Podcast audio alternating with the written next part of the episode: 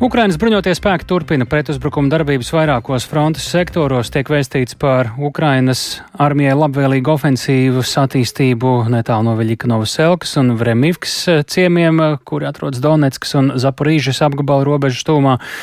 Turpina Rustams Šukurovs.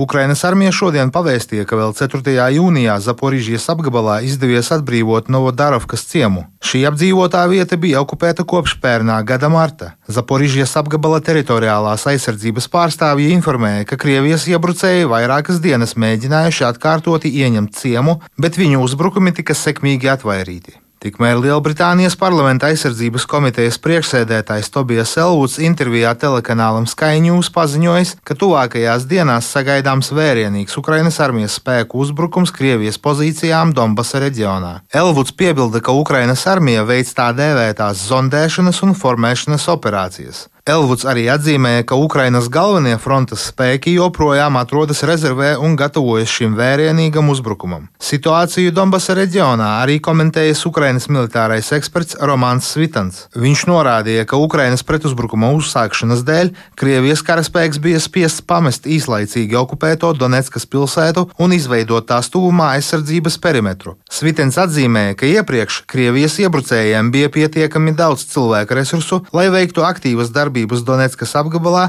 un tajā pašā laikā dislocēt karaspēku pilsētas iekšienē. Svitans norāda, ka šobrīd situācija ir krasi mainījusies. Uzsākoties Ukrainas karaspēka pretuzbrukumam, neapstājas arī sabiedroto valstu organizētās militārās palīdzības sniegšana. Dānijas parlaments šodien atbalstīs jaunu aptuveni 33 miljonu eiro vērtu militārās palīdzības paketi Ukrainai. Par parlamentu atbalstu paziņoja Dānijas ārlietu ministrs Lars Loke Rasmussens.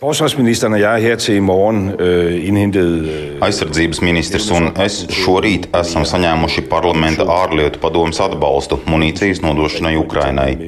Mēs nevaram sīkāk iedziļināties, kāda veida munīcija tiks nodota bet tas ir balstīts uz konkrētu Ukrainas pieprasījumu. Palīdzības pakete ir aptuveni 250 miljonu dāņu kronu vērta. Tas ir būtisks ieguldījums, kas Ukrainai ir ļoti nepieciešams. Rasmussens arī norādīja, ka iepriekš Ukrainai ir izdevies apturēt Krievijas plaša mēroga iebrukumu Ukrainā, un tagad tai būs nepieciešamā munīcija, lai atkarotu okupētās teritorijas.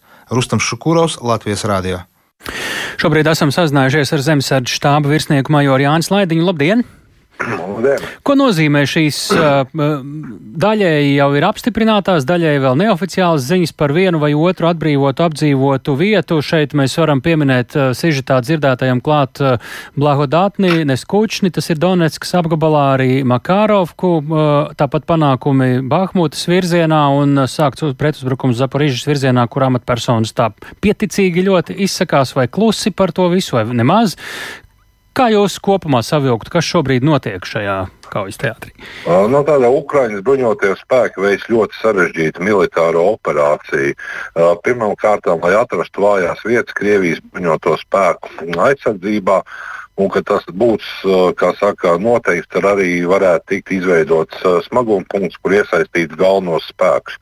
Jo šobrīd, cik izskatās, Ukraiņi vēl nav iesaistījuši savas galvenās rezerves, operē pašlaik ar otru un bataljonu kaujas grupām, bet šīs jaunizveidotās brigādes vēl nav uzsākušas aktīvu kara darbību. Nu, situācija ir līdzīga kā pie Helsinas apgabala atbrīvošanas, ka lielāko problēmu sagādāja tā saucamie vēlnu dārzi, tātad šie plašie mīnu lauki un to pārvarēšanu.